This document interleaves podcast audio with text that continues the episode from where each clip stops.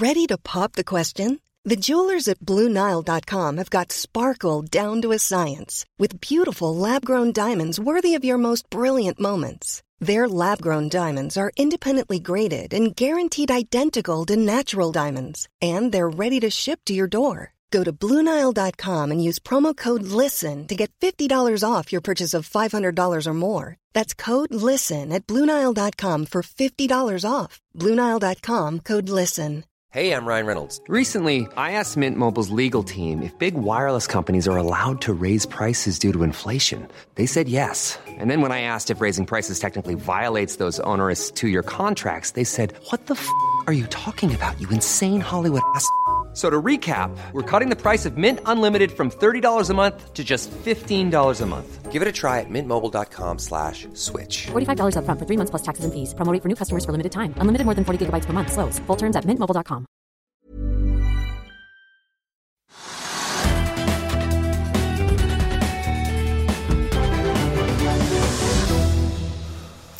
Velkommen til Økonominyhetene i dag, tirsdag. I dag skal vi se nærmere på hva som rører seg på Oslo Børs. Vi skal også snakke strømpriser med Andreas Myhre fra Entelios. I tillegg skal vi se nærmere på hva som rører seg på USA-børsene og få vaksinenytt. Først noen nyheter. Oppussing og mye tid hjemme har gitt en solid økning for byggevarebransjen. Tall fra Virke viser at i 2020 omsatte aktørene i bransjen for 55,3 milliarder kroner, en oppgang på 11,3% eller 5,6 milliarder kroner fra 2019. En av de ledende leverandørene på byggevareløsninger i Norden, Bygma, stiger i overkant av 10% på Oslo Børs. Nortel, som ble notert på Euronex Growth før jul i fjor, stiger 7 etter å ha lagt frem ferske kvartalstall i dag. Selskapet forespeilte allerede børsnotering i et underskudd i 2020 på minus 32,8 millioner kroner, men med et kraftig byks i omsetningen som endte på 35 millioner i fjor. For 2021 forventer Nortel en veksttakt på om lag 300% år over år, slik at den organiske omsetningen for hele året vil overstige 100 millioner kroner i år. Tinnfilm varslet i går kveld at de vil hente 60 millioner kroner i en emisjon for å øke produksjonen av mikrobatterier. Aksjen faller tilbake 5,5 i dag. Et fat brentolje omsettes nå for 64 dollar fatet, ned en dollar fra vi hadde sending mandag ettermiddag, og det er flatt på Oslo Børs. Men det stopper ikke enkeltaksjer fra å gå, Trygve, og vi har dagens vinneraksje opp 28 Hva er det som er triggeren bak Horisont Energi? Ja, For det første er det et ganske nytt selskap. da. Det har eksistert i veldig kort tid. Og så var det et selskap som da Spetalen gikk inn i gjennom, gjennom sitt uh, selskap Saga Pur.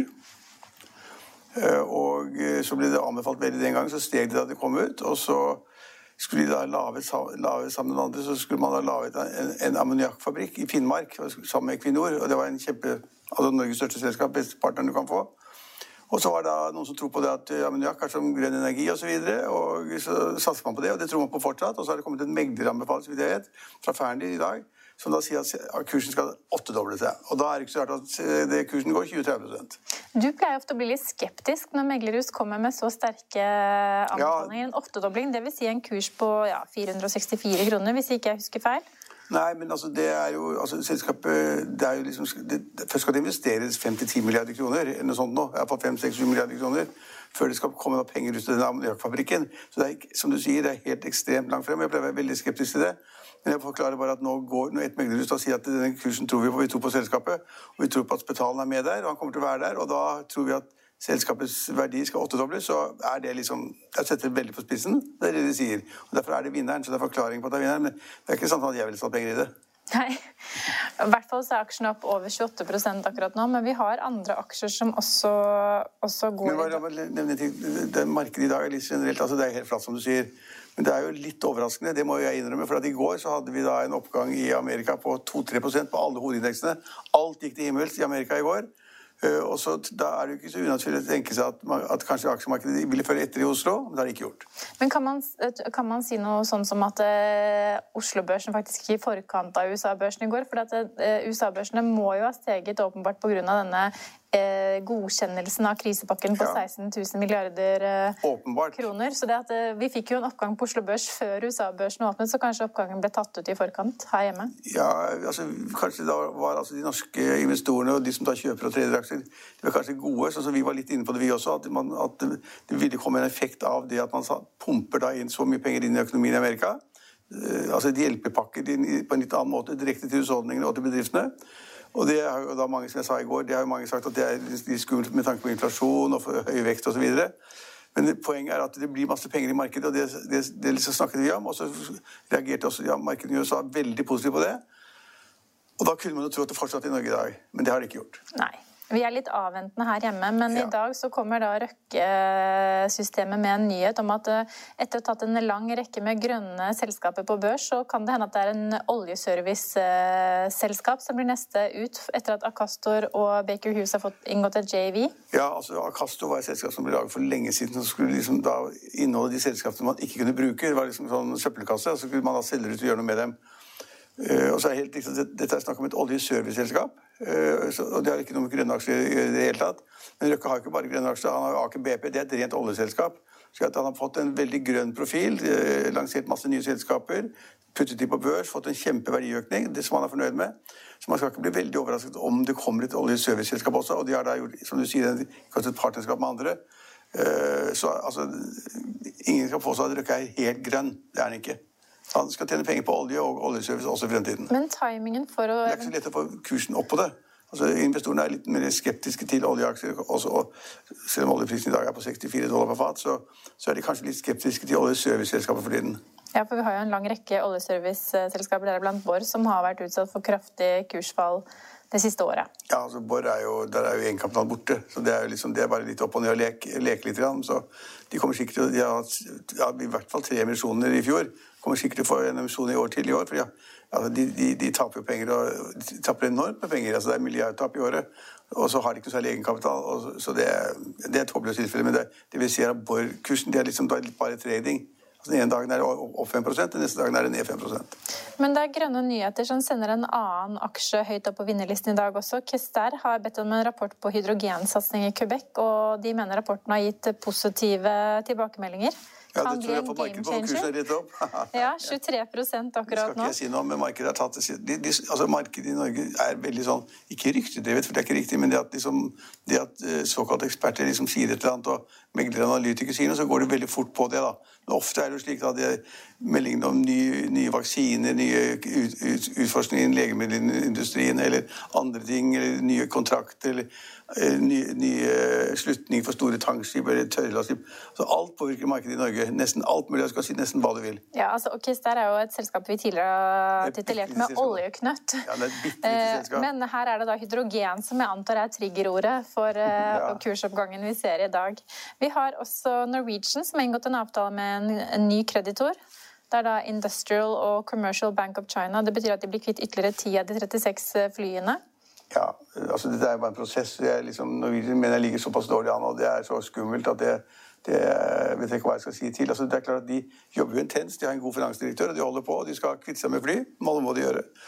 Og så skal det masse nye penger eh, fra da nye aksjonærer og tidligere långivere som skal da konvertere sine lån til aksjer. Så de holder på den prosessen hele tiden.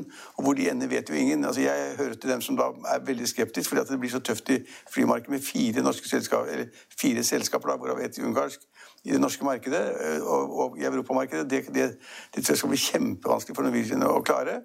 Og så har vi sett at markedet nå, eller skal vi si småinvestorene og de som trader litt, de bryr seg ikke så veldig mye om hva som skjer i Norwegian. Nå bryr de seg om hva som skjer i Flyr, det nye flyselskapet som på, var på børs for et par dager siden. Eller, Opp 10% i opp dag. 10%, det, er, det er en kutt på 6,40 kroner eller, noe sånt nå. Og det er klart at De har gått 20% siden da kom, eh, hadde en sånn introduksjonskurs til hjørnestensinvestorene på, på 5 kroner. Eh, Men det blir også kjempetøft. Men markedet liker de som da er der. altså De liker Erik Bråten, de liker de folkene han har fisket fra Norwegian. Eh, Og de tror da det at et godt ledet selskap som får da fly veldig billig, eller leie til en lav kostnad, og kanskje de også får lave personalkostnader i flyene og ka- kabinansatte, det vet jeg ikke, men de tror da liksom dette nye lille, det vil være det riktige å gå etter, og derfor vil interessen for Norwegian synke, og flere og flere vil tenke seg liksom at Norwegian, det blir kjempevanskelig med den gjelden de fortsatt har. De har altfor mange fly, og at eh, at eh, fly, flyr, flyr Det nye selskapet har sagt at vi skal ikke ha mer enn 20-30 fly uansett. Altså, de flyene vi trenger på de norske rutene, det er, og pluss da de aller mest besøkte rutene i, Europa, det er nok for oss. Så, så markedet tenker at liksom, dette er litt, litt, litt forsiktige mennesker, bruker ikke for mye penger. Det var var problemet for Norwegian. Da Bjørn Kjos uh, satset liksom skulle ha så, sånne melkeruter i Sør-Amerika. Altså, sør, det er liksom, altså det er helt, Jeg husker vi snakket om det her i studio. Skal begynne å konkurrere med busser som er fullastet med 150 passasjerer uten penger i Sør-Amerika.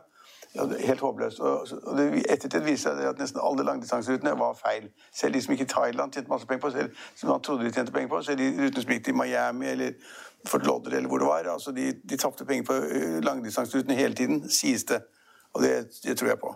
At, ja, så Interessen er nå liksom blitt mer fokusert, fokusert på det nye flyselskapet, som skal være nøkterne og forsiktige og tjene penger skritt for skritt. Det ble et tøft år for et annet selskap i fjor, Bonheur, men nå øyner Jon Olaisen i ABG Sundal Collier en oppside i aksjen. Han tar kursmålet fra 250 til 275 kroner og gjentar kjøp. Dette er da en type grønn aksje som mange mener er glemt i den grønne sektoren? Ja, altså grønt og grønt. altså Fred Olsen er ikke grønn, men uh, Bonheur er på en måte mange ting. Altså, det, det, det, kanskje det jeg kjenner de best for, det er at jeg også har vært i cruiseindustrien. Stort sett bare med gamle båter, gamle skip. Fire stykker, tror jeg. Det tapt skjorta på det i fjor, selvfølgelig, som alle andre cruiseselskaper og alle, alle, andre selskaper som driver passasjerfart. Det har de tapt skjorta på, så, men så har de altså et ben som det ikke har vært snakket så mye om. Altså, og de tapte også enorme summer. Men det er da de har vært tidlig ute med å investere i, i vindkraft eh, i, i, utenfor kysten av Skottland, tror jeg, og andre steder. Flere steder har de interesse i det. Og det er grønn som bare rakkeren. Ja, så vindkraft vil folk ha. og Derfor er det nå blitt en helgrønn aksje.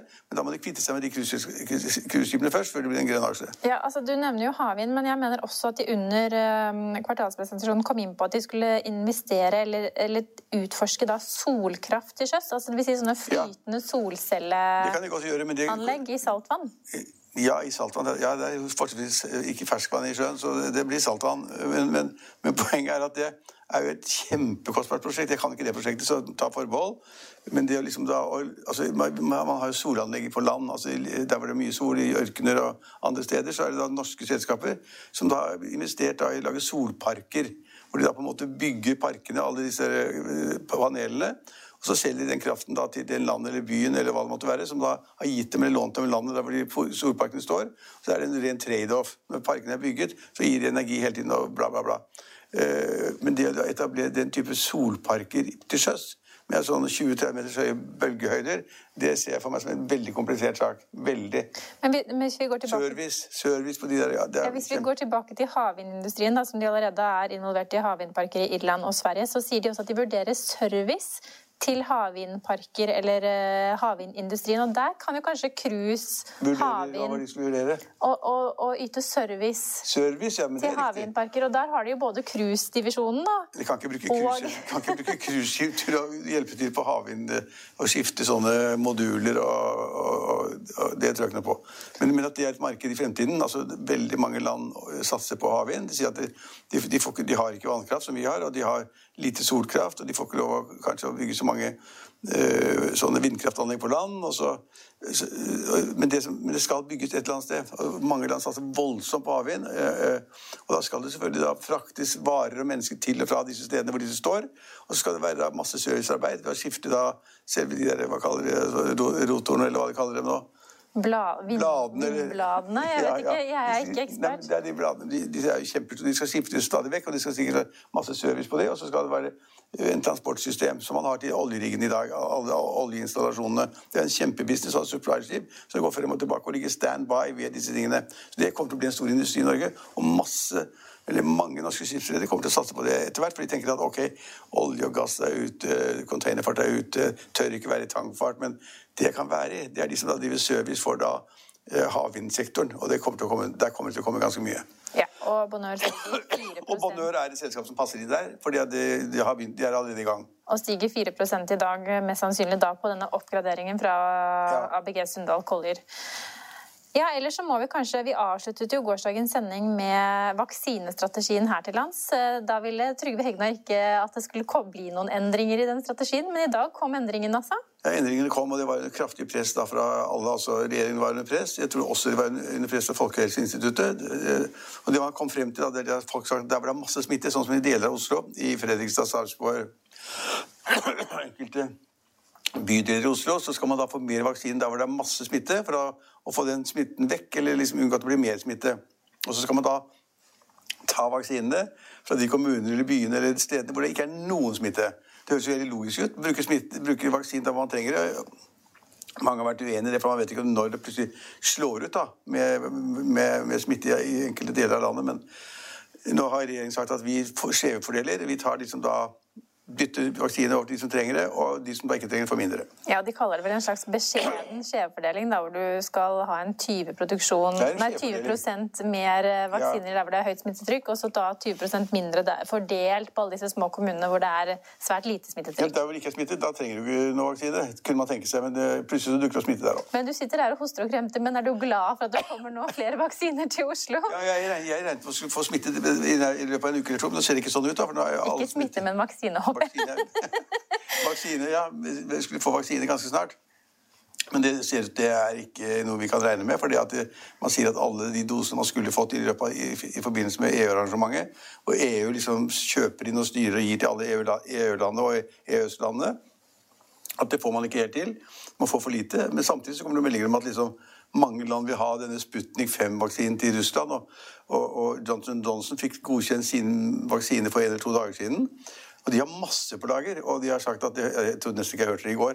Men da var det en nyhetsmelding som virket veldig seriøs, som sa at Johnson hadde sagt at de kunne levere 600 millioner vaksiner til USA. Altså det er 300 millioner mennesker her, cirka. Det er veldig mye. Det vil si at det det skal ikke USA ha. De har sikkert inngått avtale med, med Pfizer og AstraZeneca også i USA. Moderna, ikke minst. Moderna også. Så det er noe som ikke stemmer her. Og det er visst nok, Hvis man ser på de siste nyhetsmeldingene som har kommet om det, så er det visstnok 50 forskjellige da, vaksiner som er ute og går i markedet. Og Noen er mer kjent enn andre. Og uh, vi i Norge Du tenker du vil sikkert ikke ta bruke sånn Sputnik-vaksine. Skulle nesten håpe at man fikk den Johnson Johnson, som skal beskytte mot disse muterte variantene. Jo, jo, og i tillegg bare er one men, Men vi får ikke Johnson Johnson, men skal først, liksom, EU har gjennom sitt program med de selskapene de har bestilt av og skal betale til. Men på den annen side, så hvis det er veldig mangel da i Norge, da, og kanskje også andre EU-land, så vil sannsynligvis EU gjøre et eller annet. Skaffe seg vaksiner andre steder. og Da vil f.eks.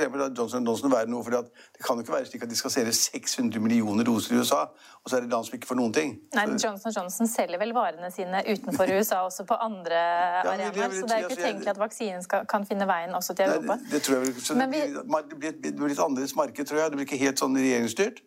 Uh, og det trenger man. Og jeg, altså, I Norge, som da man hadde planene for å gi så så mange doser vaksine hver dag, så sier man det at nå sitter det altså helsepersonell klare over hele landet i såkalte sånne vaksinesentre, hva de kaller det. Men de har ikke noen, de har ikke, de har ikke noen vaksine. Nei. Men vi hører jo også om at det er flere EU-land som nå er misfornøyd med denne fordelingen av vaksiner som skjer gjennom EU. og De vurderer også å gå utenom EU for ja, å skaffe seg vaksiner. Det sier at markedet på en måte fungerer i den forstand at først hadde EU et veldig bra opplegg hvor de hadde inngått avtale med AstraZeneca og, og andre. Vi har fått så, så mange doser vaksiner i forhold til land, landsbefolkningen i hele EU osv. Men så har man ikke fått helt det man skulle. AstraZeneca måtte kutte ned, og så videre, så andre måtte kutte ned. Og så er det da nye, nye vaksiner som er mye større enn man trodde. Og det er klart at Hvis du ikke får det du hadde regnet med å få, så vil du snu deg rundt og se om det er noe marked du kan gjøre noe med det. Blant annet med Johnson Johnson, kanskje. Eh, og Jeg vet ikke helt hva de har brukt i Israel, men der er jo alle vaksinert snart. Og... Var det ikke der du mente de brukte Sputnik, da? Nei, jeg er ikke sikker. det er tre-fire land som nå bruker Sputnik, faktisk. Og, det, og det, det, sies at den er vel så god som de der AstraZeneca Moderna. De som var først, sies, og Pfizer sies det. Nå har de testet lenge. Til å begynne med så hadde de ikke altså Det er sånn fase 1-test og fase 2-test og fase 3-test. og Til begynnelsen hadde de bare tatt fase 1 og fase 2. Men nå sies det at det har vært testet så mange steder, gitt ut så mye vaksiner, at nå tilsvarer det en fase 3-test. Så nå er det vel så bra som de, de vaksinene vi kjenner fra før. Men jeg, hvis, hvis ikke kommer med i Norge, må, og her i Norge har vi bare vaksinert 2-3% Det er jo latterlig. Så, så vi, det må skje noe annet. altså Norge må gjøre noe, eller EU må gjøre noe. Men normalt er det slik at Norge legger seg litt flate på EU. Så Norge gjør aldri, veldig sjelden noe på egen hånd. Jeg kan ikke tenke meg at Høie i regjeringen eller Folkehelseinstituttet gjør noe på egen hånd. De går til EU og blir med på alt de gjør. Ja. Men det vaksinespillet det fortsetter i hvert fall i kulissene. Ja. Da skal vi over til strømprisene, som sikkert mange følger nøye med ja, på. Bare bryte av før du slutter av. I USA så er det snakk om at Johnson Johnson ikke bare gir til regjeringen og de, de, de, de, offentlige etatene, men de har også satt en, en, en pott, jeg vet ikke om det var 100 millioner piller eller doser, til det kommersielle markedet. Man kan ikke bare kjøpe selv det man trenger. Men tror du at den kjøpe selv-funksjonen også kan komme til Norge etter hvert? For det, det er klart at det vil jo være et enormt privat marked her for de som har lyst til å gå ut og kjøpe seg vaksinen og ikke orker å vente? Ja, Så det, jeg ville kjøpt med en gang hvis det var her, hvis det da var skikkelige mennesker som ga meg den vaksinen. Ja. Et stikk her. Hvis, hvis jeg får avslutte da, jeg kan også ta med at Nordic Ja, men det var en viktig som- sak. Ja. Kommersiell omsetning av disse eh, vaksinene har det vært snakket veldig lite om. Ja. Og så Nordic Nanovector, som vi har snakket om mye den siste tiden, steg 25 i går og faller tilbake 7-8 i dag. Vi er tilbake med sendingen vår i morgen. Følg med oss igjen da.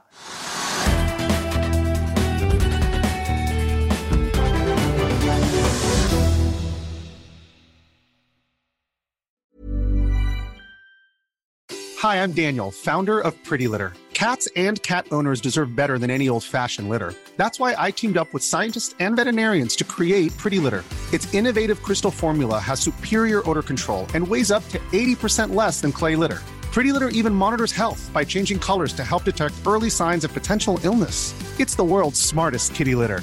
Go to prettylitter.com and use code ACAST for 20% off your first order and a free cat toy. Terms and conditions apply. See site for details.